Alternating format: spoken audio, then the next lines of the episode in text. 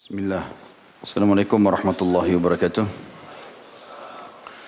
Alhamdulillah wassalatu wassalamu ala Rasulillah. Segala puji dan puja kehadirat Allah Subhanahu wa taala juga salawat dan taslim kepada Nabi besar Muhammad sallallahu alaihi wasahbihi wasallam. Melanjutkan pada buku kita Bulughul Maram yang ditulis oleh Ibnu Hajar rahimahullah. dan kita sudah menyelesaikan pada pertemuan sebelumnya masalah bab hewan-hewan kurban. Dan insya Allah kita akan masuk sekarang bab ketiga di sini adalah bab akikah. Dimulai dengan hadis nomor 1164 dari Ibnu Abbas radhiyallahu anhuma anna Nabi sallallahu alaihi wasallam aqqa 'anil Hasani wal Husaini kabshan kabshan bahwasanya Nabi sallallahu alaihi wasallam telah mengakikahi Al Hasan dan Al Husain masing-masing satu ekor kambing. Hadis ini diriwayatkan oleh Abu Dawud dan dinyatakan sahih oleh Ibnu Khuzaimah, Ibnu Jarud dan juga Abdul Haq. Hadis ini teman-teman sekalian menyebutkan kepada kita tentang masalah akikah dan akikah ini yang dimaksud adalah menyembelihkan hewan buat bayi di hari ketujuhnya. Dan cukup banyak hadis Nabi SAW yang menyebutkan masalah itu dengan semua sanad sahih. Di antaranya adalah tumpahkanlah darah untuk si bayi di hari ketujuhnya dan maksudnya sembelihkanlah buat dia dan berikanlah dia nama serta potonglah atau cukurlah rambutnya. Akikah ini hukumnya wajib bagi orang mampu karena bayi semuanya tergadai jiwanya dengan akikahnya. Sebuah hadis kata Nabi sallallahu alaihi wasallam semua bayi tergadaikan dengan akikahnya. Maka sembelihlah buat anak laki-laki dua ekor domba dan buat anak perempuan satu ekor domba. Pelajaran yang bisa diambil dari hadis ini yang pertama adalah akikah itu dilakukan buat bayi bagi orang mampu. Kemudian yang disembelih hanya boleh domba saja atau kambing dan tidak boleh diganti dengan hewan lain. Karena dalam sebuah riwayat yang sahih pernah keponakan Aisyah radhiyallahu anha anaknya Abdurrahman radhiyallahu anhu lahir anak laki-laki dan saking gembiranya keluarganya akhirnya mereka menyembelihkan unta untuk bayi tersebut. Dengan tentu pikiran sederhana, unta lebih besar, lebih mahal, mungkin lebih besar pahalanya. Maka pada saat Aisyah radhiyallahu datang ke rumah tersebut lalu mengatakan kalian keliru. Sesungguhnya yang diperintahkan oleh Nabi SAW adalah dua ekor domba untuk anak laki-laki dan satu ekor domba untuk anak perempuan. Maka bukan berarti karena besarnya, tetapi memang karena perintahnya seperti itu. Dan Allah Subhanahu wa taala memang menggantikan Ismail alaihissalam awal kisah adanya kurban ini itu dengan sembelihan domba. Dan di akikah pun sama di sini ya. Dianjurkan untuk domba. Cuma bedanya kalau kurban masih bisa sapi dan unta kalau di sini adalah khusus kambing atau domba saja. Diambil juga pelajaran dari hadis ini adalah kalau anaknya kembar maka cukup dua ekor domba. Karena Hasan Hussein dianggap seperti itu ada juga pendapat yang mengatakan bahwasanya sesuai dengan kemampuan, tapi hadis yang sahih dijelaskan bahwasanya anak laki-laki dua ekor domba. Itu disebutkan di hadis setelahnya. Hadis eh, nomor 1165 dari Aisyah radhiyallahu anha, anna Rasulullah sallallahu alaihi wasallam amarahum an yu'aqqa 'anil gulami syatani mukafi'atan wa 'anil jariyati syah bahwasanya Rasulullah SAW menyuruh mereka agar dilakukan atau agar melakukan akikah untuk bayi laki-laki dengan dua ekor kambing yang sepadan dan untuk bayi perempuan dengan seekor kambing. Hadis ini riwayat Tirmidzi dan beliau juga mensahihkannya. Hadis ini menjelaskan kepada kita rincian daripada hadis sebelumnya dan sebagian ulama mengatakan inilah anjurannya bahwasanya saat anak laki-laki dua ekor kambing, anak perempuan satu ekor kambing. Sementara dua ekor kambing itu yang dimaksud dengan sepadan adalah mencapai umur dan porso, uh, poster atau uh, porsi berat daripada domba itu seimbang. Jadi bukan satu kecil satu besar. Dan ini diikuti juga sesuai dengan syarat uh, kurban. Yaitu kalau domba sama kambing minimal satu tahun umurnya, boleh jantan, boleh betina, yang penting tidak cacat. Kemudian selanjutnya hadis terakhir dalam bab ini adalah nomor 1166 dari Samurah radhiyallahu bahwasanya Rasulullah SAW bersabda, kullu gulamin murtahanun bi akikatih yudhbahu anhu yawma sabi'ih wa yuhlaku wa yusamma. Setiap bayi yang baru dilahirkan itu tergadai dengan akikahnya. Akikahnya disembelih untuknya pada hari ketujuhnya dan dia dicukur rambutnya dan juga diberikan nama. Hadis ini riwayat Ahmad dan juga Imam Empat dan mereka mensohikan hadis ini. Imam Ahmad sebutkan di jilid 5 halaman 7, Abu Dawud jilid 3 halaman 106, An-Nasai jilid 7 halaman 166. Hadis ini menjelaskan kepada kita pada bahwasanya hari ketujuh itu dilakukan beberapa kegiatan untuk bayi demi untuk keselamatan dia ke depan sebagai tanda syukur kepada Allah karena dia lahir di muka bumi. Maka yang pertama adalah disebutkan sembelih domba untuknya. Ini termasuk ibadah yang paling besar atau besar pahalanya di sisi Allah Subhanahu wa taala. Baik itu untuk akikah, untuk kurban atau bahkan untuk melayani atau memberikan makanan buat tamu. Kemudian juga dicukur rambutnya, dicukur habis di hari ketujuh. Biasanya rambut bayi masih sangat lembut pada saat itu dan mudah sekali. Kemudian ditimbang pakai timbangan perak. Ya, sebagian ulama mengatakan boleh juga timbangan emas. Tapi yang dilakukan dalam riwayat adalah timbangan perak, kemudian dilihat nilainya berapa disedekahkan. Sementara rambutnya sudah boleh dibuang, yang penting sudah tahu berat timbangannya. Kemudian juga diberikan nama. Dan nama ini harus dipilihkan nama-nama yang baik. Sebagaimana nasabda Nabi SAW, perbaguslah nama-nama kalian, karena sungguhnya kalian akan dipanggil dengan nama-nama itu pada hari kiamat. Maka ini juga dipilihkan nama-nama yang baik, dan sudah kita tahu bahwasanya nama terbaik bagi laki-laki dan perempuan adalah semua yang dinisbatkan penghambaan kepada Allah. Dimulai dari Abdullah dan Abdurrahman, kalau perempuan berarti amatullah dan amatur rahman. Lalu semua penisbatan ke nama-nama Allah seperti Abdul Ghafur, Abdul Syakur dan seterusnya. Kemudian bagi laki-laki nama para nabi-nabi. Ya, Adam, Hud, Salih, Idris, Shu'aib sampai Muhammad alaihi wassalatu wassalam. Sementara bagi perempuan yang terbaik empat nama yaitu yang disebutkan oleh Nabi SAW empat wanita pemimpin surga Khadijah, Fatimah, kemudian Maryam dan juga Asia. Nah, Asia adalah istri Fir'aun yang beriman. Maryam ibunya Isa alaihissalam. Sementara Khadijah istri Nabi yang pertama dan Fatimah anaknya Khadijah. Setelah itu datang semua nama-nama wanita salihah dari kalangan sahabiat dan juga bagi laki-laki di kalangan sahabat. Dan yang terakhir adalah nama yang memiliki makna yang baik. Apa pun itu misalnya di Indonesia ada nama khas tapi maknanya baik boleh saja. Ya. Maka ini semua hal-hal yang dilakukan pada hari ketujuhnya. Sementara tahnik atau mengunyahkan kurma itu dimulai dari lahir sampai beberapa hari ke depan. Ada yang membatasi sampai tujuh hari, ada yang mengatakan bisa sampai sebulan penuh diberikan kurma yang dikunyah halus. Allahu alam. Baik ini sisa bahasan sebenarnya dari bahasan-bahasan sebelumnya di uh, dalam kitab nomor 12 ya. Sekarang kita masuk insya Allah ke kitab nomor 13 tentang masalah sumpah dan nazar. Hadis yang pertama dalam masalah sumpah dan nadar ini adalah nomor 1167 dari Ibnu Umar radhiyallahu anhu dari Rasulullah sallallahu alaihi wasallam annahu adraka Umar bin Khattab fi rakbin wa Umaru yahlifu bi abih fanadahum Rasulullah sallallahu alaihi wasallam ala inna Allah yanhaakum an tahlifu bi abaikum faman kana halifan falyahlif billah aw liyasmut Hadis ini diriwayatkan oleh Imam Bukhari jadi 8 halaman 33, Imam Muslim jadi 3 halaman 1267. Bahwasanya Ibnu Umar berkata radhiyallahu anhu beliau telah menjumpai Umar bin Khattab di dalam satu kafilah. Dan Umar pada saat itu sempat bersumpah dengan menyebut nama bapaknya. Demi bapakku. Maka Rasulullah SAW menyerukan kepada mereka, ketahuilah sesungguhnya Allah melarang kalian untuk bersumpah dengan nama bapak kalian. Maka barang siapa yang bersumpah hendaklah bersumpah dengan nama Allah atau hendaklah dia diam saja. Di dalam riwayat yang lain milik Abu Daud dan An-Nasai dari Abu Hurairah radhiyallahu anhu bunyinya la tahlifu bi abaikum wala bi ummahatikum wala bil andad wala tahlifu illa billah wala tahlifu billahi illa wa antum sadiqun. Janganlah kalian bersumpah dengan nama bapak kalian, nama ibu kalian, dan nama berhala-berhala yang kalian sekutukan. Janganlah kalian bersumpah kecuali dengan nama Allah. Dan jangan kalian bersumpah dengan nama Allah kecuali kalian dalam keadaan benar-benar jujur. Hadis ini sahih riwayat Abu Daud jadi 3 halaman 222, An-Nasai jadi 7 halaman 5. Kita perlu jelaskan dulu teman-teman sekalian, sumpah dalam Islam dibolehkan.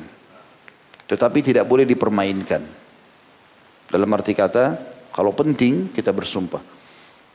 Dan tidak boleh diperbanyak. Kalau orang banyak sumpah, dikhawatirkan malah terjerumus dalam kesalahan. Karena kapan dia keliru, dia butuh kafarah, dendah. Dendahnya adalah bebasin budak, berpuasa tiga hari berturut-turut atau memberi makan sepuluh orang miskin. Oleh karena itu teman-teman sekalian nggak boleh terlalu banyak mempersumpah dan sumpah ini hanya bisa menggunakan nama Allah. Ya, bisa mengatakan wallahi atau billahi atau tallahi. Lafat-lafat ini sama semua cuma bedanya di awalnya. Yang sering orang ucapkan pakai waw wallahi. Tapi bisa juga billah. Kalau orang-orang Arab itu biasanya kalau temannya lagi cerita maka dia mengatakan billah gitu. Sama saja dia mengatakan wallah gitu. Ya. Begitu juga dengan tallahi. Seperti Nabi Ibrahim alaihissalam bersumpah menggunakan ta ini ya, pada saat ingin menghancurkan patung-patung orang-orang ya eh, yang ada di wilayah Babilonia. Tallahi la akidanna asnamakum. Demi Allah pasti aku akan menghancurkan patung-patung kalian. Maka ini darurat sekali teman-teman sekalian. Kalau betul-betul dibutuhkan. Misal diminta sumpah di satu perkara besar Apalagi kalau kita tidak bersumpah malah mungkin maslahat bagi umat Islam jadi masalah. Baru kita bersumpah. Kalau hanya sekedar makanan, minuman, ada orang ditanya, kamu sudah makan? Demi Allah sudah. Apa hubungannya demi Allah yang sudah makan? Tidak usah sumpah di. Maka tidak ada hal-hal yang tidak perlu gitu, ya. Atau mungkin dia biasa saja ditanya kenapa terlambat langsung demi Allah ini dan itu. Enggak, enggak usah bersumpah. Ucapkan saja gitu kan. Karena orang mukmin dia yakin dengan perbuatannya. Tapi kalau darurat barulah dia sumpah di pengadilan, diminta kesaksian mungkin. Atau ada hal-hal memang dia tertuduh dan dia butuh bersumpah, maka silahkan dia bersumpah. Itu diambil pelajaran dari sini. Kemudian pelajaran lain tidak boleh bersumpah kecuali dengan nama Allah. Jadi menggunakan demi ayahku, demi ibuku, ya, demi ini dan itu, ini semua tidak boleh. Ya. Kadang-kadang juga ada orang di Indonesia ikut-ikutan sumpah lalu pakai jari dua. Apa maksudnya jari dua itu? Allah kan satu. Ya. Tidak boleh ikut-ikutan ini. Ya. Maka sumpah pakai nama Allah saja. Tidak usah pakai isyarat-isyarat. Dan itu pun dalam keadaan darurat. Ya. Kemudian juga dikatakan dalam potongan hadis di situ. Dan janganlah kalian bersumpah kecuali dengan nama Allah. Dan jangan kalian bersumpah dengan nama Allah kecuali dalam keadaan benar-benar jujur. Artinya memang butuh untuk menyampaikan kebenaran maka kita bersumpah. Dan apa yang kita sampaikan benar. Kalau salah ya beristighfar kepada Allah Subhanahu wa taala. Karena di sini intinya tidak boleh mempermainkan sumpah itu. Hadis selanjutnya nomor 1168 dari Abu Hurairah radhiyallahu anhu bahwasanya beliau berkata, Rasulullah SAW bersabda, "Yaminuka ala ma yusaddiquka bihi sahibuk." Sumpahmu itu menurut sesuatu yang dengannya menjadikan rekanmu membenarkanmu. Di dalam suatu riwayat disebutkan, "Al-yaminu ala niyatil mustahlif." Sumpah itu menurut niat orang yang meminta sumpahnya. Hadis ini riwayat Imam Muslim, jadi 3 halaman 1247. Hadis ini juga mirip dengan tadi ya. Artinya jangan sumpah kecuali darurat. Kita pun kalau mau minta orang lain sumpah, itu harus hati-hati. Karena kalau kita minta dia sumpah dan dia sudah bersumpah, tugas kita setelah itu percaya. Saya pernah jelaskan itu di hari Rabu, dosa, salah satu dosa-dosa besar adalah menolak ya, uh, sumpah orang yang sudah bersumpah. Kecuali saya dia pendusta memang kita tahu beda. Tapi kalau dia sudah bersumpah sama Allah sudah kita serahkan urusannya kepada Allah. Tugas kita menerima setelah dia bersumpah. Karena dia seakan-akan menjadikan Allah lah yang akan mengambil alih urusanku. Ya, kalau saya bohong atau saya jujur, maka Allah yang akan mengambil alih. Maka kalau sudah bersumpah selesai. Gak usah kita ikut-ikutan. Kita tagih utang, dia mengatakan demi Allah saya belum punya uang. Ya sudah bawa namanya Allah, ya sudah. Jadi kapan bisanya? Bulan depan. Baiklah. Sudah selesai. Tidak usah kita curiga apa-apa. Karena tugas kita, kata Nabi SAW, siapa yang bersumpah, siapa yang disumpah atau bersumpah di hadapan saudaranya, maka dia harus menerimanya. Ya, dia harus ridho dengan itu. Karena orang itu sudah menjadikan Allah sebagai pengambil alih urusannya. Ya. Selanjutnya hadis nomor 1169 dari Abdurrahman ibn Samura radhiyallahu anhu beliau berkata, Rasulullah SAW bersabda, "Wa halafta ala yamin, fara'ita ghairaha khairan minha, fakaffir an yaminik wa'til ladhi huwa khair. Hadis ini riwayat Bukhari Muslim. Imam Bukhari sebutkan di jilid 8 halaman 159, Imam Muslim jilid 3 halaman 1274. Yang artinya apabila kamu telah bersumpah atas sesuatu lalu kamu memandang selainnya lebih baik daripada sumpah itu, maka tebuslah sumpahmu dan lakukanlah yang lebih baik itu. Misal orang mengatakan, demi Allah saya tidak akan menikah. Misal, siapa tahu ada bujang putus cinta. Ya. Lalu dia mengatakan, demi Allah saya tidak mau nikah lagi. Gitu. Ternyata berjalan satu tahun, berubah perasaannya, mulai mau menikah. Dan menikah sunnah Nabi SAW. Dia nggak boleh ngotot dengan sumpahnya. Bayar kafarahnya itu beri makan 10 orang, udah dia nikah. Gitu kan. Karena Nabi SAW mengatakan siapa yang telah bersumpah atas sesuatu, lalu dia memandang selainnya lebih baik dari sumpah itu, maka tebuslah, bayar kafarahnya. Lalu lakukan yang lebih baik itu. Demi Allah saya tidak akan mendatangi rumahmu lagi. Misal dia ribut sama salah satu kerabatnya, berarti kan terputus silaturahim. Secara berjalan waktu, kata dia sadari dia yang salah misalnya. Atau kerabatnya itu sudah minta maaf ya dia tebus kafarahnya. Ya. Ini berbahaya sekali, makanya jangan bermain-main sumpah ini. Kalau kita sudah ucapkan, harus kita lihat dan muhasabah. Kalau itu benar, kita pertahankan. Kalau itu salah, kita segera kafarah, bayar dendahnya, bebasin, lalu kemudian kita pilihan lebih baik.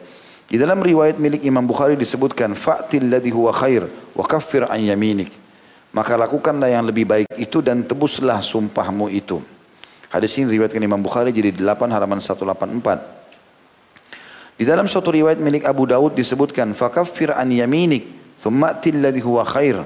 Maka tebuslah sumpahmu itu, kemudian lakukanlah yang lebih baik itu. Sanatnya sahih. Diriwayatkan Abu Daud jilid 3 halaman 229. Jadi kalau orang bersumpah pun salah, tetap Nabi SAW menyuruh kita tidak boleh ngotot dengan kesalahan itu. Ya. Apalagi kalau dasarnya orang itu bohong. Bukan cuma sekedar salah. Kalau cuma salah mungkin wajar dia bisa memperbaikinya. Bohong itu berarti harus diikuti dengan taubat kepada Allah subhanahu wa ta'ala. Kemudian beristighfar, dia bertobat. Kemudian dia coba untuk tidak pernah tidak akan pernah lagi mengulanginya. Ya. Hadis selanjutnya nomor 1170 dari Ibnu Umar radhiyallahu anhu bahwa Rasulullah bahwasanya Rasulullah SAW telah bersabda man halafa ala yaminin faqal insyaallahu fala hintha alaih. Barang siapa yang bersumpah atas sesuatu seraya mengucapkan insyaallah maka dia tidak wajib mengadakan pembatalan. Diriwayatkan oleh Ahmad dan Imam Empat serta dinyatakan sahih oleh Ibnu Hibban. Ini tentu disebutkan oleh Imam Ahmad di jilid 2 halaman 10, Abu Dawud jilid 3 halaman 225, An-Nasai jilid 7 halaman 25, Al-Tirmidzi jilid 4 halaman 110 dan Ibnu Hibban jadi 10 halaman 183. Sebagian ulama menanggapi hadis ini, kalimat insya Allah, kalau orang mengatakan demi Allah insya Allah. Atau dalam bab cerai, tolak, dia mengatakan saya ceraikan kamu insya Allah. Maka ini berarti tidak jatuh tolak itu. Dan sumpah itu juga tidak ada dendahnya. Karena dia tidak bertekad, dia tidak berazam di situ. Itu makna daripada hadis ini. Tidak wajib mengadakan pembatalan. Ya, karena memang dasarnya sumpah itu diikuti dengan kalimat insya Allah. Saya masih ingat dulu subhanallah kami belajar fikih bab tolak di tingkat tiga kuliah di Madinah ada satu dokter syarif namanya Hafizahullah beliau mengajarkan kami bab itu lalu beliau mengatakan ada satu bab uh, ada satu kalimat yang kalau diucapkan maka tidak terjadi perceraian dan kalau diucapkan dalam satu perbuatan bisa Allah kabulkan. Lalu orang semua berpikir di kelas pada saat itu, apa ya? Dia tanya, kira-kira apa? Kira-kira apa? Belum ada yang faham pada saat itu. Maka setelah itu dia beliau mengatakan kalimat insya Allah. Kalimat insya Allah ini, kalau ada orang mengatakan saya ceraikan kamu insya Allah, tidak jatuh tolaknya. Karena insya Allah ini membuat tolak itu tidak jadi. Karena Allah tidak menyuruh tolak. Gitu kan? Begitu juga dengan sumpahnya. Dan kalau diucapkan untuk permintaan kepada Allah dikabulkan. Sebagaimana hadis Bukhari yang Nabi Sulaiman AS mengatakan aku akan menggauli malam ini 100 orang istriku ya dan masing-masing akan hamil melahirkan seorang mujahid berharap ada 100 orang mujahid lahir dari 100 wanita itu maka seorang keluarganya Nabi Sulaiman AS mengingatkan mengatakan bilanglah insya Allah wahai Nabiullah Tapi Nabi Sulaiman lupa rupanya. Kata Nabi SAW, maka Allah pun tidak memberikan dia anak seperti yang diharapkan. Dan kalau dia mengucapkan insya Allah, maka pasti Allah akan mengabulkan apa yang dia inginkan. Hadis selanjutnya nomor 1171 dari Ibnu Umar radhiyallahu anhu beliau berkata, "Kanat yaminun Nabi sallallahu alaihi wasallam la wa mukallibil wa mukallibil qulub." Bentuk sumpah Nabi SAW salah satunya adalah tidak demi zat yang membolak-balikkan hati. Hadis ini riwayat Bukhari. Imam Bukhari sebutkan di jilid 8 halaman 160. Jadi boleh kita mengucapkan tidak demi zat yang menciptakan Ka'bah misalnya. Tidak demi zat yang menciptakan langit dan bumi. Maka sama saja sebenarnya sedang bersumpah atas nama Allah ya. Karena itu pengikraran bahwasanya Allah yang menciptakan itu. Ya, biasanya juga orang di Mekah mengatakan warabbi Ka'bah dan Tuhannya Ka'bah. Maka itu maksudnya Allah Subhanahu wa taala, ya. Maka seperti ini karena yang membolak-balikkan hati manusia adalah Allah Subhanahu wa taala. Dan Nabi SAW paling sering mengucapkan doa itu. Ya, terutama di akhir-akhir hidup beliau, beliau mengatakan, Ya mukallibal kulub, sabit qalbi ala dinik. Wahai membolak-balikkan hati manusia, kokohkan hatiku dalam agamamu atau di atas agamamu. Maka Aisyah berkata anha, "Ya Rasulullah, sering kali saya dengar Anda ucapkan doa ini. Kenapa? Bukankah Anda sudah diampuni dosa yang lalu dan akan datang?" Kata Nabi SAW, bagaimana bisa aku tenang wahai Aisyah sementara hati manusia berada di jari-jari zat yang maha pengasih. Maksudnya Allah dan Allah membolak-balikkan sesuai dengan keinginannya. Ya, kalau Nabi SAW bisa khawatir begini, bagaimana dengan kita? Makanya pengikraran bahwasanya Allah yang membolak-balikkan hati ini adalah pengikraran kalau Allah itu ada dan ini bagian daripada sumpah yang dibolehkan. Selanjutnya nomor 1172. Berarti antum sudah belajar hadis 1172. Masya Allah, tabarakallah. Baiklah, dari Abdullah bin Amr radhiyallahu anhu beliau berkata, Ja'a Rabiyyun ila Nabi sallallahu alaihi wasallam faqala ya Rasulullah mal kabair fadzakara al hadith wa fihi qultu wa mal wa mal yaminul ghamus Qala alladhi yaqtati'u ma'ala imri'in muslimin wa uh, fiha kadhib. Seorang badui dari padang pasir datang kepada Nabi SAW seraya bertanya, wahai Rasulullah, apa saja dosa-dosa besar itu?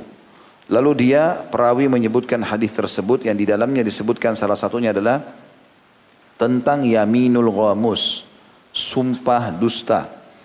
Maka aku berkata, apa itu sumpah dusta ya Rasulullah? Beliau menjawab alaihi salatu wassalam, sumpah yang mengambil harta seorang muslim di mana dia berdusta di dalam sumpahnya tersebut. Hadis ini riwayat Bukhari, jilid 9 halaman 17. Hadis ini menyebutkan juga kepada kita ya, mereviewkan kembali tentang apa yang saya sampaikan tadi di awal bab ini atau kitab ini tidak boleh mempermainkan sumpah. Dan orang kalau ucapkan betul-betul pada saat darurat dan tidak sama sekali boleh, tidak dibolehkan bahkan haram dan bisa menumpuk dosa dan hukuman dari Allah Subhanahu wa taala. Kalau orang bersumpah atas nama Allah, sudah bohong, ngambil lagi hartanya orang. Memang demi Allah ini uang saya, demi Allah ini handphone saya, demi Allah saya sudah datang, demi Allah saya sudah jalankan, berarti semuanya semua tidak. Dan ini Allah Subhanahu wa taala catat dia sebagai pendusta dan juga pencuri. Pernah saya ingatkan hadis yang kata Nabi SAW, tidak ada seorang laki-laki yang mengiming-imingkan seorang wanita dengan iming-iming segala macam. Kalau kau nikah sama saya, saya akan kasih mobil, kasih rumah, kasih ini, kasih itu. Dan dia bohong. Tujuannya hanya untuk dia menggunakan sumpah atas nama Allah untuk menghalalkan kemaluan wanita tersebut. Setelah wanita itu mau nikah sama dia, ditanya setelah nikah mana yang kau janjikan? Ah itu kan dulu. Janji palsu. Ada nggak di sini orang suka janji palsu? Ini?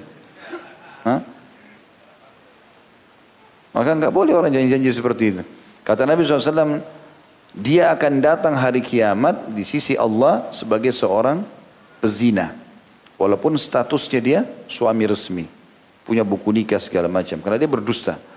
Kemudian tidak ada seseorang yang mengiming-imingkan janji kepada seseorang dan dia bersumpah atas nama Allah untuk menghalalkan hartanya orang tersebut sampai orang itu percaya Demi Allah proyek ini benar, demi Allah saya akan bayar utang, demi Allah padahal dusta semua. Maka dia akan, kemudian dia lari. Tidak ditahu ke mana orangnya. Maka dia akan bertemu dengan Allah sebagai seorang pencuri. Tidak ada orang yang bisa lari dari hukum Allah subhanahu wa ta'ala. Jangan bermain-main. Buat salah, akui, bertaubat. Selesai. Ya. Jadi jangan ngotot. Karena orang kalau salah ngotot, itu hukuman Allah lebih berat nanti. Akan lebih berat. Karena Allah subhanahu wa ta'ala memberikan peringatan-peringatan bertahap. Kalau tetap ngotot, maka akan datang sesuatu yang lebih berat. Hadis selanjutnya nomor 1173 dari Aisyah radhiyallahu anha tentang firman Allah Subhanahu wa taala, "La yu'akhidukum Allah bil lagwi fi aymanikum." Qalat huwa qaulur rajul la wallahi wa ya wa bala wallah. Allah tidak menghukum kalian disebabkan sumpah kalian yang tidak dimaksud untuk bersumpah. Al-Baqarah 225. Beliau Aisyah berkata, ini adalah ungkapan seseorang tidak demi Allah dan ya demi Allah. Diriwayatkan oleh Imam Bukhari jilid 9 halaman 17 dan diriwayatkan juga oleh Abu Daud secara marfu. Abu Daud menyebutkan jilid 3 halaman 223. Jadi yang dimaksud dengan ayat ini Allah tidak akan menghukum kalian dengan sumpah yang biasa ngalir di lidah kalian. Aisyah memberikan contoh. Orang Arab biasa begitu. Misalnya dia mengatakan tidak demi Allah. Iya demi Allah. Tapi dia sebenarnya tidak sengaja karena sudah terbiasa mengucapkan kalimat itu. Bukan yang dia maksudkan. Ini masih ada pemaafan. Kalau orang memang sudah terlanjur terbiasa dan memang dia tidak bermaksud untuk itu. Tapi dia, kalau dia bermaksud tentu antara dia sama Allah. Allah akan menghukum dia dan dia wajib untuk membayar kafarah supaya lepas dari hukuman Allah subhanahu wa ta'ala. Kemudian 1174 dari Abu Hurairah radhiyallahu anhu beliau berkata, Rasulullah SAW bersabda, Inna lillahi tis'an wa tis'ina isman, man ahsaha dakhala al-jannah. Sesungguhnya Allah mempunyai 99 nama. Barang siapa yang menghafalnya, kemudian memahami, berdoa dengannya, niscaya masuk surga. Hadis ini riwayat Imam Bukhari, jilid 3 halaman 259, Muslim jilid 4 halaman 2063. At-Tirmidzi dan Ibnu Hibban menyebutkan nama-nama tersebut, namun berdasarkan penelitian yang lebih dalam, terbukti bahwa hal tersebut merupakan sisipan tambahan dari sebagian periwayat atau periwayat hadis. Ya. Hadis ini teman-teman menyebutkan kepada kita tentang Allah Subhanahu wa taala punya nama-nama dan disebutkan 99 jumlahnya. Tentu yang dimaksud 99 ini adalah yang tersebutkan di dalam Al-Quran dan Sunnah. Dan bukan berarti nama Allah cuma 99. Tapi yang 99 ini kalau teman-teman fahami, gunakan dalam doa seperti misalnya ya Ghafur, wahai zat yang maha pengampun, ikfirli, ya Razak, wahai pemberi rezeki, urzukni, berikan aku rezeki, ya Syafi, ya, ya Syafi, wahai pemberi yang penyembuh, ishfini, sembuhkanlah aku misalnya, ya Rahman, irhamni, wahai zat yang pengasih, kasihanilah aku. Ini semua adalah termasuk mengamalkannya. Dan termasuk di dalamnya adalah memuliakan. Kalau menggunakan dalam sumpah, karena dari 99 nama yang paling populer dan paling tinggi kedudukannya adalah Allah. Makanya orang bilang wallahi gitu kan. Maka dengan memuliakannya bersumpah berarti dia yakin dia benar dan tujuannya untuk mencari kebenaran, maka dia bisa mendapat pahala. Pahalanya adalah masuk ke dalam surga. Jadi di sini bisa diambil dihubungkan dengan bab kita adalah kalau orang bersumpah demi Allah dan dia benar untuk mempertahankan kebenaran atau mempertahankan haknya, maka secara otomatis ada jaminan surga. Karena Nabi SAW mengatakan sungguhnya Allah mempunyai 99 nama dan yang paling nomor satu adalah Allah. Siapa barang siapa yang menghafalnya kemudian memahami berdoa dengannya, ya mempraktikkan dalam hidupnya, niscaya masuk dalam surga. Dan masuk dalamnya adalah memuliakan di sini. Jadi kalau sudah bersumpah atas sama Allah, maka itu berarti sudah melakukan kebaikan. Hadis selanjutnya nomor 1175 masih tentang masalah kemuliaan nama Allah itu sendiri. Dari Usama bin Zaid radhiyallahu anhu beliau berkata Rasulullah SAW bersabda Man suni'a ilaihi ma'ruf faqala li fa'ilih jazakallahu khairan faqad ablaga fit thana Barang siapa yang diperlakukan dengan baik lalu dia mengatakan kepada pelakunya semoga Allah memberikan balasan kebaikan kepadamu kalau laki-laki jazakallahu khairan ka jazaka kalau perempuan jazaki maka sungguh dia telah maksimal dalam memberi pujian Hadis ini riwayat Tirmidzi dan dinyatakan sahih oleh Ibnu Hibban. At-Tirmidzi menyebutkan di jilid 4 halaman 380, Ibnu Hibban jilid 8 halaman 202. Hadis ini teman-teman sekalian memberikan kadar tinggi sekali nilai nama Allah itu sendiri.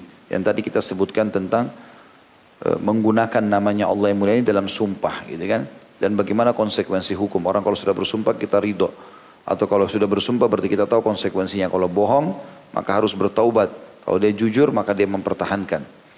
Di sini agak berbeda sedikit, bukan sumpah tapi perintah Nabi SAW. Siapa yang berlaku baik padamu, dalam riwayat yang dikatakan siapa yang membuat baik padamu maka balaslah yang setimpal. Kalau kau tidak memiliki yang misalnya dikasih baju kita balas dengan baju, dikasih makanan kita kasih makanan, dikasih kendaraan kita kasih kendaraan misalnya. Uh, maka ucapkanlah jazakallahu khairan. Cuma yang saya ingin titik beratkan sini teman-teman, jangan lupa khairannya. Ya, karena saya sering ketemu ikhwah begitu di, di pengajian. Jazakallah Ustaz, jazakallah. Jazakallah apa? Jazakallah artinya semoga Allah membalasmu. Apa? Khairan itu doanya. Kebaikan. Jadi harus ada khairan. Satu hal lagi tidak usah ditambah kathiran. Karena riwayatnya tidak pakai kathiran. Jazakallahu khairan. Cukup. Semoga Allah membalasmu dengan kebaikan. Dan ini usahakan dihidupkan. Suami pada istri, istri pada suami, orang tua pada anak, anak pada orang tua, sahabat sama sahabatnya. Selalu ucapkan ini. Karena ini tentu doa yang sangat mulia. Kata Nabi SAW dalam riwayat lain, maka itu sudah mencukupi untuk membalas kebaikan orang tersebut. Karena kita minta Allah yang balas dia. Hadis selanjutnya nomor 1176 dari Ibnu Umar radhiyallahu dari Nabi sallallahu alaihi wasallam annahu naha anin nadri wa qala innahu la ya'ti bi khair wa innama yustakhraju bihi minal bakhil. Hadis ini riwayat Bukhari Muslim. Jadi sampai 1175 sudah selesai kita bahas masalah sumpah. Ya, hadis-hadis sumpah di sini. Jadi tadi kita sebutkan itu hadis sumpah dari 1167 ya. Berarti 1 2 3 4 5 6 7 8 9 hadis ya. Sembilan hadis semua membahas tentang masalah sumpah. Dari mulai 1176 ini berbicara tentang masalah nazar. Nazar itu teman-teman adalah seseorang bertekad untuk melakukan satu jenis ibadah bila target dia tercapai. Misal kalau saya sembuh, dia bilang begitu ya, maka saya akan puasa tiga hari. Kalau anak saya lulus, saya akan bersedekah 500 ribu misalnya. Nah ini perlu digarisbawahi. Hukumnya nazar itu makruh. Hukum asalnya nazar makruh. Artinya lebih baik jangan dilakukan. Karena ada pemahaman yang bisa diambil dari orang yang bernadar seperti ini. Kalau tidak ada hajatnya, dia tidak akan lakukan ibadah itu. Itu yang dimaknakan dengan hadis nomor 1176. Perhatikan apa yang kata Nabi SAW. Atau Ibnu Umar berkata, Anuhma, bahwasanya Nabi SAW melarang nazar Nabi larang marah, tapi larangannya di sini bukan haram ya. Karena nazar juga boleh. Dan beliau bersabda sungguhnya ia tidak mendatangkan kebaikan dan suatu kebaikan yang dikeluarkan disebabkan nazar itu hanyalah berasal dari orang yang bakhil. Hadis ini diriwayatkan oleh Imam Bukhari jadi 8 halaman 176 dan Imam Muslim jadi 3 halaman 1261. Boleh saja orang bernazar tetapi tetap hukumnya makruh. Sebagian ulama mengatakan makruh karena dua, dua, dua, dua jawaban. Yang pertama hadis ini. Karena Nabi SAW mematok bahwasanya orang yang nazar itu berarti orang yang bakhil. Dia mau bersedekah kalau dia dikasih sama Allah. Dia mau puasa kalau yang ini bisa selesai. Maka ini sebab pertama. Yang kedua kenapa dia makruh? Karena kalau terkabulkan misalnya betul sembuh penyakitnya, betul anaknya diterima kerja atau lulus ujian misalnya, maka dia wajib menjalankan nazarnya. Misal dia sedekah sejuta, harus dia keluarkan. Jadi utang. Kalau dia meninggal ahli warisnya harus bayarkan. Puasanya tadinya puasa sunnah, tapi bisa menjadi wajib. Kalau puasa nazar wajib. Misal kalau saya menikah saya akan puasa tiga hari. Begitu menikah itu nazar tiga hari jadi wajib. Tadinya dia puasa biasa karena dia bukan puasa Ramadan. Tapi menjadi wajib. Maka dia hukumnya makruh. Hadis ini juga memberikan pelajaran lain bahwasanya sabda Nabi SAW yang dipotong di sini ya sesungguhnya ia tidak mendatangkan kebaikan maknanya adalah dia akan selalu seseorang yang bernadar itu menunggu kebaikan itu tanpa ada upaya lagi dia hanya melakukan sedikit upaya sudah selesai ditinggalkan sama dia. Sudah saya kuatkan sama nazar aja deh. Misalnya. Sehingga kebaikan-kebaikan yang bisa didapatkan tanpa nadar bisa tapi dia tidak mau lakukan. Hilang kebaikan itu. Dan makna kebaikan dan suatu kebaikan dikeluarkan disebabkan nadar itu hanyalah berasal dari orang bakhil. Karena dia membatasinya. Dia tidak akan lakukan kecuali haknya diberikan sama Allah. Dan juga dia batasi misalnya puasa tiga hari. Misalnya sedekah satu juta. Padahal dia bisa berikan lebih daripada itu. Selanjutnya berbicara tentang masalah kafarah. Bagaimana kalau orang sudah terlanjur nazar, kemudian dia tidak bisa jalankan. Terlanjur nazar tiga hari puasa, dia nggak bisa jalankan. Tiba-tiba kena penyakit kronis, kemudian dia nggak bisa lagi puasa misalnya. Maka ada kafarah dan kafaranya sama dengan sumpah. Banyak daripada hadis riwayat Muslim, hadis nomor 1177 dari Uqbah bin Amir radhiyallahu anhu, beliau berkata, Rasulullah SAW bersabda kafaratun nadri kafaratu yamin. Kafara nadar itu adalah kafara sumpah. Diriwayatkan oleh Imam Muslim. Di jilid 3 halaman 1265. Dan kita sudah tahu tentunya kalau nadar orang yang sumpah tadi saya sudah bilang bebasin budak atau dia berpuasa tiga hari berturut-turut atau dia memberi makan 10 orang miskin. Imam Tirmidzi menambahkan padanya idza lam yusamma apabila dia belum menentukan. Dan beliau menyatakan ini sahih tentunya. Tetapi dilemahkan oleh Syekh Albani. Ini hadis diriwayatkan Tirmidzi di 4 halaman 106. Di dalam riwayat Abu Dawud yang bersumber dari Ibnu Abbas radhiyallahu yang diriwayatkan secara marfu disebutkan man nadhara nadhran lam yusammihi fa kaffaratu kaffaratu yamin wa man nadhara nadhran fi ma'siyatin fa kaffaratu kaffaratu yamin. ومن نظر نظرا لا يطيقه فكفارته كفارة يمين Barang siapa yang bernazar suatu nazar yang belum dia tentukan, maka kafaranya adalah kafar sumpah. Jadi misalnya dia bilang saya kalau berhasil saya akan lakukan ini dan itu tapi dia tidak tentukan misalnya puasa tapi dia tentukan harinya dia tidak tentukan berapa banyaknya saya akan sedekah dia nggak tentukan kadarnya. Barang siapa yang bernadar suatu nadar dan belum dia tentukan, maka kafaranya adalah kafara sumpah. Ternyata dia nggak bisa jalankan, maka dia harus menjalankan pembersihan seperti sumpah. Barang siapa yang bernadar suatu nadar di dalam kemaksiatan, dia bernadar bertekad mau zina, mau safar, ke tempat melakukan kemaksiatan, mau mencuri. Kemudian dia ya, memberhentikan, maka kafarahnya adalah kafara sumpah. Untuk dia lanjutkan dia berdosa.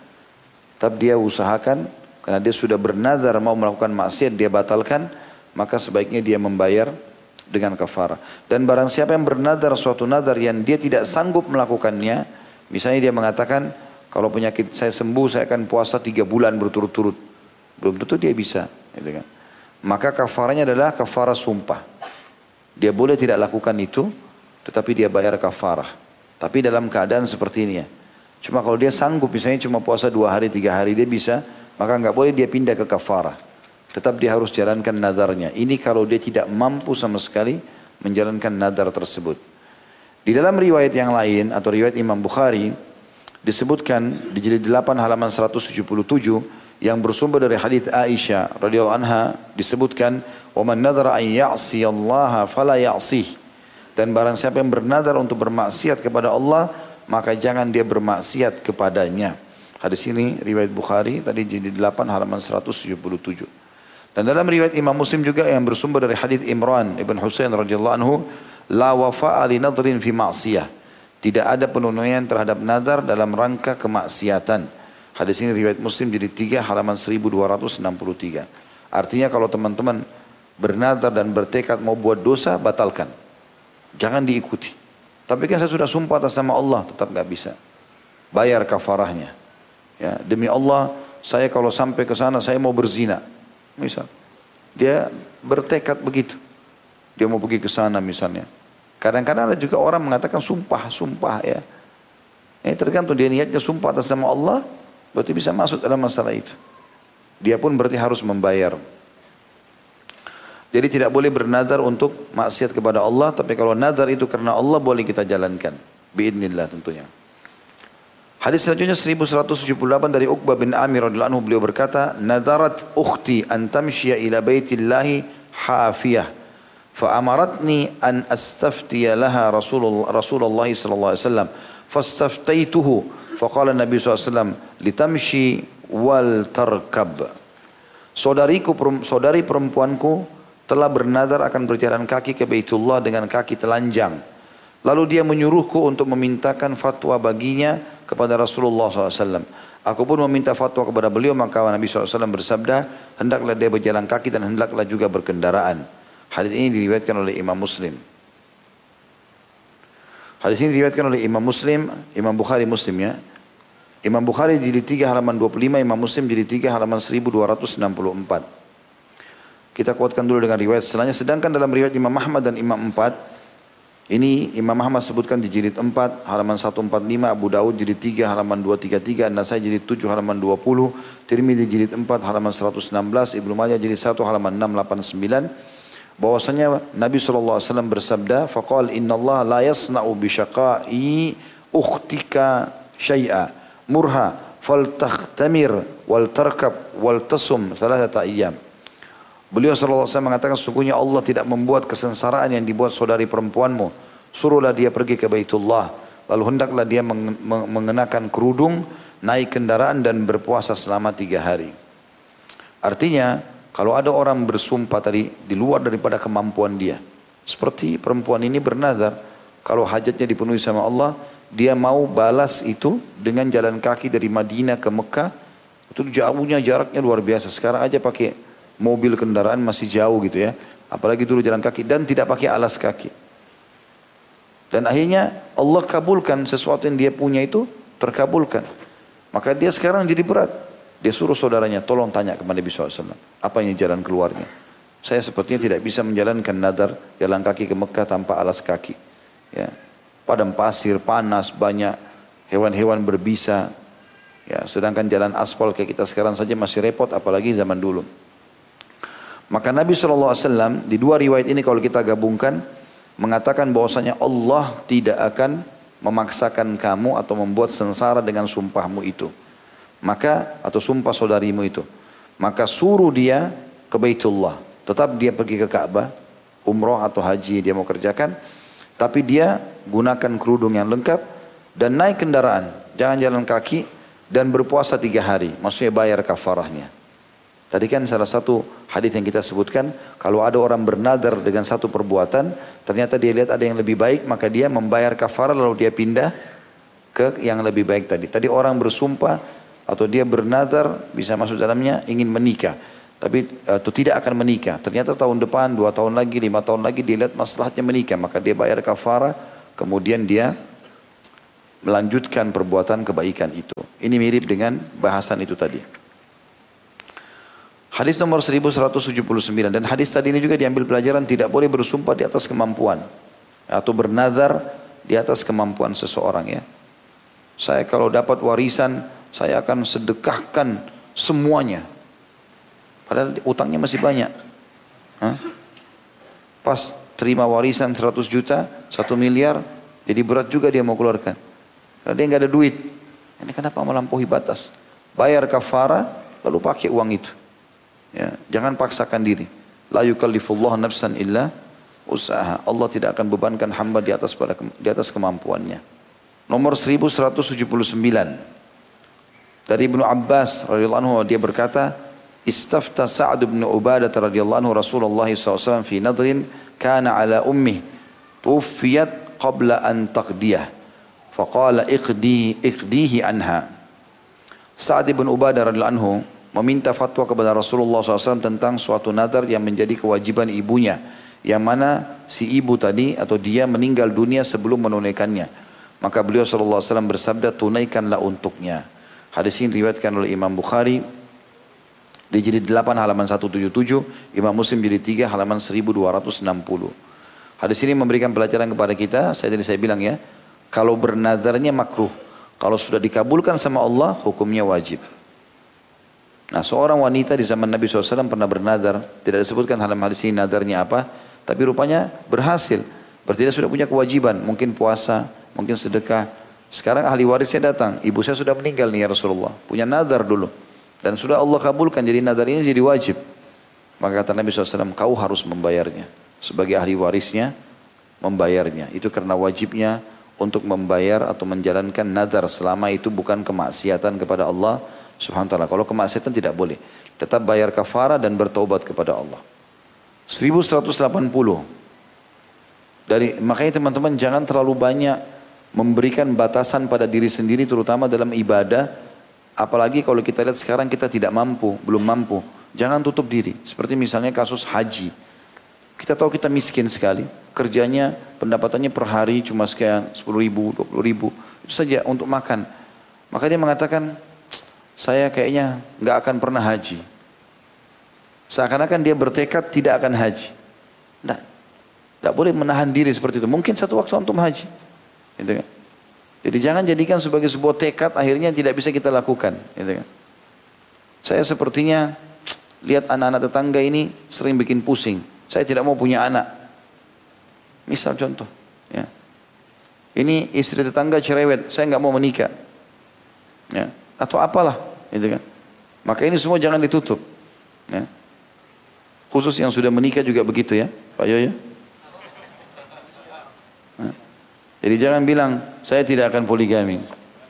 Hmm? Oh iya. Nanti tiba-tiba antum lihat satu waktu, ada kesempatannya dan peluangnya lalu antum sudah tertahan dengan perkataan itu. Ya.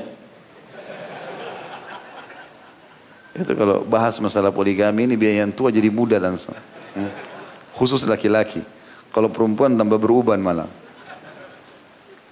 Baiklah hadis selanjutnya. Jadi ini poin nomor hadis nomor 1179 adalah kalau ada orang bernazar kemudian sudah Allah kabulkan maka menjadi wajib hukumnya kalau dia meninggal ahli warisnya menjalankan itu. Nomor tentu ini kalau bukan kemaksiatan ya kita harus tahu kalau kemaksiatan tidak boleh. Nomor 1180 dari Thabit bin Ad-Dahhak radhiyallahu anhu beliau berkata, "Nadara rajulun ala ahdi Rasulillah sallallahu alaihi wasallam an yanhara ibilan bibuana." Fa'ata Rasulullah sallallahu alaihi wasallam fasa'alah. Faqala hal kana fiha wathanun yu'bad? Qala la. Qala fahal kana fiha 'idun min a'yadihim? Faqala la. Faqala awfi binadrik. fainnahu la wafa'a nadrin fi ma'siyatillah wala fi qati'ati rahim wala fi ma la yamliku ibnu Adam. Seorang laki-laki bernadar pada masa Rasulullah SAW akan menyembeli seekor unta di daerah Buana. Nah, ini ini juga pelajaran teman-temannya. Jangan bernadar di atas kemampuan. Ya. Jadi misalnya kalau kalau sembuh penyakit saya, saya akan menyembeli di Palestina. Jauh, belum tentu antum bisa. Menyembeli di kota sendiri misalnya, walaupun niatnya baik ya. Kecuali memang antum bolak-balik setiap saat mungkin. Sahabat ini ingin menyembeli dia di Madinah. Sebenarnya Madinah dekat, tapi dia buana jauh. Gitu kan? Di sebuah lembah jauh. Maka orang itu datang kepada Rasulullah SAW. Artinya dia terkabulkan apa yang dia inginkan. Berarti dia harus menyembeli di wilayah itu. Maka orang itu datang kepada Rasulullah SAW lalu bertanya kepada beliau mengenai hal itu. Lalu beliau balik bertanya, apakah di sana ada berhala yang pernah disembah atau yang sedang disembah? Maka orang itu menjawab, tidak ada. Beliau bertanya lagi, apakah di sana ada salah satu hari raya mereka, para penyembah-penyembah berhala itu? Sehingga mereka dulu pernah menyembeli di lembah itu. Kau juga mau ikut-ikutan menyembelih di situ gitu. Pernah nggak ada acara-acara ritual di sana? Maka dia menjawab tidak ada. Maka beliau bersabda, kalau gitu tunaikan nadarmu. Karena sungguhnya tidak ada penunaian terhadap nazar dalam kemaksiatan kepada Allah. Kalau dasar di situ pernah disembelih-sembelih hewan untuk selain Allah, jangan kau nazar di situ, nggak boleh. Bayar kafaranya, batalkan itu. Ya. Tunaikanlah nadarmu karena sungguhnya tidak ada penunaian terhadap nazar dalam kemaksiatan kepada Allah pemutusan silaturahim. Jadi tidak boleh orang mengatakan saya akan putus hubungan sama saudara saya ini. Tidak ada nazar begitu. Itu nazar maksiat namanya. Karena tidak boleh putus silaturahim apa pun alasannya. Walaupun saudara kita itu jahat, kita nggak putus silaturahim. Menjaga jarak boleh, putus silaturahim nggak boleh. Dan hal yang tidak dimiliki oleh anak Adam atau manusia. Hadis ini sahih diriwayatkan Ahmad jilid 3 halaman 419. Yang terakhir ini tahu maksudnya ya? Jadi misalnya antum bilang, kalau penyakit saya sembuh, saya akan sedekahkan buah mangganya tetangga. Bukan punya antum itu pohon mangga. Makanya Nabi SAW mengatakan dan tidak ada nazar pada hal yang tidak dimiliki oleh anak Adam. Bukan punya antum. Ini juga ada sebabnya. Ada hadis yang serupa. Pernah ada satu kelompok pasukan orang kafir dari suku Gatafan datang ke Madinah. Mereka mau merampok, mau membunuh, mau menyerang Madinah, tapi takut. Rupanya sampai di pinggiran Madinah mereka ketakutan, begitu dari pintu gerbang ketakutan. Maka mereka temukan ada kebun kurma di dekat pintu gerbang. Dan di situ ada muslim, suami istri, sahabat. Rupanya dia datang, penjahat-penjahat ini datang ke sana, tidak ada orang lihat, dibunuh oleh si muslim ini, si laki-laki ini, sehingga terbunuh mati syahid dia. Istrinya diambil. Si muslim ini diambil. Dan diambillah unta-unta dan domba yang ada di situ. Salah satunya adalah domba uh, untanya Nabi Muhammad SAW. Yang lagi dititip di kebun itu. Pergilah, suku ini lari. Dikejar oleh beberapa sahabat tidak ketemu. Rupanya di tengah malam si perempuan yang tadi muslimah ini dia ketakutan dan dia berdoa sama Allah supaya diberikan kesempatan untuk bisa selamat. Maka ikatan tangannya lepas segala macam. Ini musuh-musuh semua pada tidur. Dia lihat ada unta terdekat dengan dia. Ternyata ini unta Rasulullah SAW. Dia tidak tahu kalau ini unta Nabi. Termasuk yang dicuri oleh para perampok-perampok tadi itu. Maka dia naik ke unta itu lalu dia mengatakan, Semoga saja Allah sampaikan aku di Madinah. Dan kalau Allah sampaikan aku di Madinah, maka aku akan sembeli unta ini. Gitu. Ternyata unta itu dengan hikmah Allah sementara jalan, perempuan ini nggak tahu jalan. Tiba-tiba sudah berapa waktu tiba-tiba ada di pintu gerbang Madinah, masuk di Madinah. Karena dia bersyukur dia datang ke masjid Nabi dia mengatakan ya Rasulullah saya sudah selamat suami saya yang dibunuh gini-gini diceritakanlah semua kisahnya dan saya lolos dan ya Rasulullah Alhamdulillah Allah selamatkan saya di Madinah dan saya sudah bernadar kalau saya selamat maka saya sembeli unta ini. Nabi SAW mengatakan sungguh buruk niatmu. Hmm? Unta ini kan bukan punyamu ini. Ini punya aku bagaimana kau nadar sesuatu yang bukan milikmu. Jadi nggak boleh bernadar dengan sesuatu yang bukan kita miliki. Selanjutnya adalah nomor 1181. Dari Jabir radhiyallahu anhu beliau berkata, "An rajulan qala yaumal fath, ya Rasulullah, inni nazartu in fatahallahu alayka makkata an usalliya fi baitil maqdis faqala salliha huna fasa'alahu faqala salliha huna fasa'alahu faqala fasya'nuka idan bahwasanya seorang lelaki berkata pada hari penaklukan Mekah wahai Rasulullah sesungguhnya aku telah bernazar kalau Allah menaklukkan Mekah bagi anda maka aku akan sholat di Baitul Maqdis lalu Beliau SAW bersabda, solatlah di sini. Di Mekah maksudnya di Baitul Haram. Lalu dia nanyakan kembali, Ya Rasulullah, aku sudah nazar ke Aqsa. Nabi SAW bilang, solat saja di sini. Lalu kemudian dia menanyakan lagi yang ketiga kali. Maka kata Nabi SAW, kalau begitu urusanmu, terserah kamu. Tetap mau sholat sana ya silahkan pergi. Gitu kan. Hadis ini diriwayatkan oleh Imam Ahmad dan Abu Daud serta disohikan oleh Al-Hakim. Hadis ini disebutkan oleh Ahmad jadi 3 halaman 363, Abu Dawud jadi 3 halaman 236 dan Al-Hakim jadi 4 halaman 304 dan 305. Hadis ini memberikan pelajaran teman-teman sekalian kepada kita. Kalau orang bernazar untuk melakukan satu ibadah di sebuah tempat dan ternyata ada tempat lebih afdal daripada tempat itu, dia boleh mengalihkan kepada yang lebih afdal. Tapi tidak boleh kalau kita niat di tempat yang afdal dialihkan ke tempat yang mufaddal. Ngerti nggak? Allahu alam. Ngerti nggak ini? Baik, saya rincikan. Ngerti-ngerti tapi nanti malaikat catat loh. Kalau nggak ngerti bilang nggak ngerti. Ya. Jadi sahabat ini rupanya dia bernazar. Kalau Allah berikan kemenangan untuk Nabi SAW menguasai Mekah. Sebagai nazar yang baik, saya mau sholat di Baitul Maqdis. Mana lebih afdal? Masjid Haram Mekah atau Baitul Maqdis? Masjid Haram Mekah. Orang ini sudah bernadar dan Allah kabulkan. Nabi Muhammad SAW berhasil tembus Mekah. Berarti kan dia wajib jalankan nadarnya. Tapi karena Masjidil Aqsa itu di bawahnya secara urutan dari Masjidil Haram. Masjid Haram lebih afdal. Masjid Aqsa dibandingkan Masjid Haram Mekah itu mufaddal. Di nomor dua kan. Nomor satunya Masjid Haram Mekah. Maka karena dia niatnya ke Masjid Baqdis dan ada yang lebih afdal Mekah kebetulan dari Mekah, Nabi bilang, sholat sini aja. Karena boleh diganti, nazarmu boleh diganti karena ini lebih baik. Gitu lah. Sama antum ber, berniat bernadar bersedekah dengan perak. Antum nggak temukan kecuali emas. Emas lebih bagus. Keluarkan emas itu. Sudah cukup bisa bisa menutupi itu. Nadarnya seperti itu. Kita nazar sembeli anak kambing. Nanti kita temukan hanya kambing yang besar. Nah, kita boleh lakukan itu. Ya. Nabi SAW pernah juga bayar utang. Itu untah kalau nggak salah umur dua tahun. Nabi SAW ambil dari seseorang kemudian akan dibayar. Tiba saatnya Nabi SAW suruh sahabat beli di pasar. Ternyata ditemukan hanya unta umur tujuh tahun. Maka sahabat melapornya Rasulullah hanya tujuh tahun. Artinya lebih mahal. Nabi SAW mengatakan biarlah, bayar saja. Sebaik-baik kalian adalah orang yang paling baik dalam menunaikan utangnya. Kasih lebih baik, tidak masalah. Jadi seperti itu. Nah ini dimaksud dalam hadis ini. ya. Dan ini juga pelajaran teman-teman sekalian. Jangan bernadar sesuatu yang di atas kemampuan kita. Ya, sudah dibilangi dari tadi. Lebih baik antum kalau naudzubillah orang sakit, mau menikah, mau bekerja, mau ujian, tidak usah ada nadarnya. Berdoa sama Allah SWT supaya dimudahkan. Kapan berhasil, antum melakukan aja kebaikan apa? Misalnya sedekah, sebagai tanda syukur kepada Allah. Nah itu lebih tepat. Daripada antum dari awal bernazar. Karena nazar dasarnya tadi Nabi SAW mengatakan muncul dari orang yang pelit. Seakan-akan dia tidak mau sedekah kecuali ada hajat ini. Seakan tidak mau puasa kecuali ada hajat ini. Seperti itulah. Hadis selanjutnya nomor 1182 dari Abu Sa'id Al-Khudri radhiyallahu anhu dari Nabi wasallam beliau bersabda, "La tushaddu rihalu illa ila ila thalathatil ila thalathati masajid, Masjidil Haram Masjidil Aqsa wa Masjid hadza." Tidak boleh dilakukan safar kecuali kepada tiga masjid, Masjidil Haram, Masjidil Aqsa dan masjidku ini.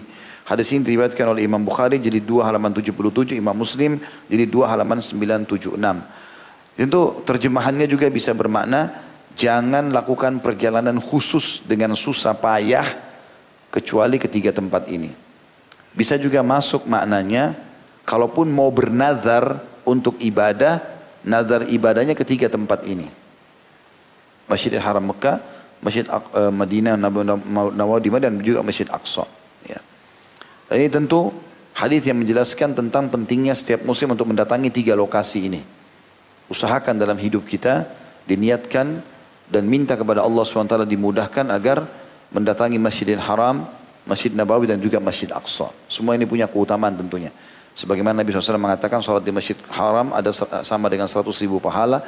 Masjidku ini adalah 1000 dan riwayat yang mengatakan dan Aqsa 500. Ada riwayat yang mengatakan Aqsa adalah setengah masjidku. Eh, maaf, uh, Aqsa itu seperempatnya Masjid Nabawi. Jadi Masjid Aqsa 250, Masjid Nabawi 1000. Ya. Ini sudah ada keutamaan tentunya saya pernah bahas tentang materi Palestina yang terlupakan dan sudah ada buku terbit masalah itu. Hadis selanjutnya nomor 1183 dari Umar radhiyallahu beliau berkata, "Qultu ya Rasulullah, inni nadartu fil jahiliyah an a'takifa lailatan fil Masjidil Haram." Qala, "Awfi binadrik." Aku bertanya, wahai Rasulullah, sesungguhnya aku telah bernadar di masa jahiliyah untuk beritikaf satu malam di Masjidil Haram. Maka beliau menjawab, tunaikan nadarmu.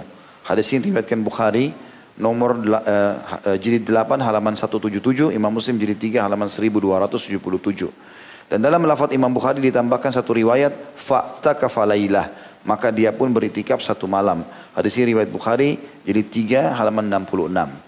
Hadis ini memberikan pelajaran kepada kita saudaraku seiman, kalau seseorang di antara kita bernadar kebaikan sebelum masuk Islam dan ternyata itu bagian dari syariat Islam. Ya. Seperti ini misalnya Umar bin Khattab sebelum masuk Islam ini masa jahiliyah dia bertekad untuk etikaf di masjid satu hari di Masjid Haram Mekah. Ya. Maka dia berhasil apa yang dia inginkan itu sudah diazamkan, dia nazarkan. Setelah masuk Islam dia katakan ya Rasulullah, dulu zaman jahiliyah saya belum masuk Islam.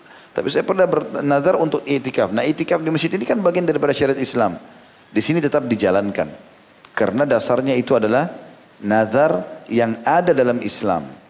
Ini dibolehkan. Misalnya sebelum masuk Islam dia mengatakan, tadi penyakit saya sembuh saya akan bersedekah atau mengeluarkan uang ya mendermakan sekian. Lalu dia syahadat besoknya, maka tetap dia jalankan ya apa yang dia nadarkan itu. Allahu alam. Ini bahasan kita insya Allah dan kita akan masuk nanti pertemuan akan datang di kitab peradilan.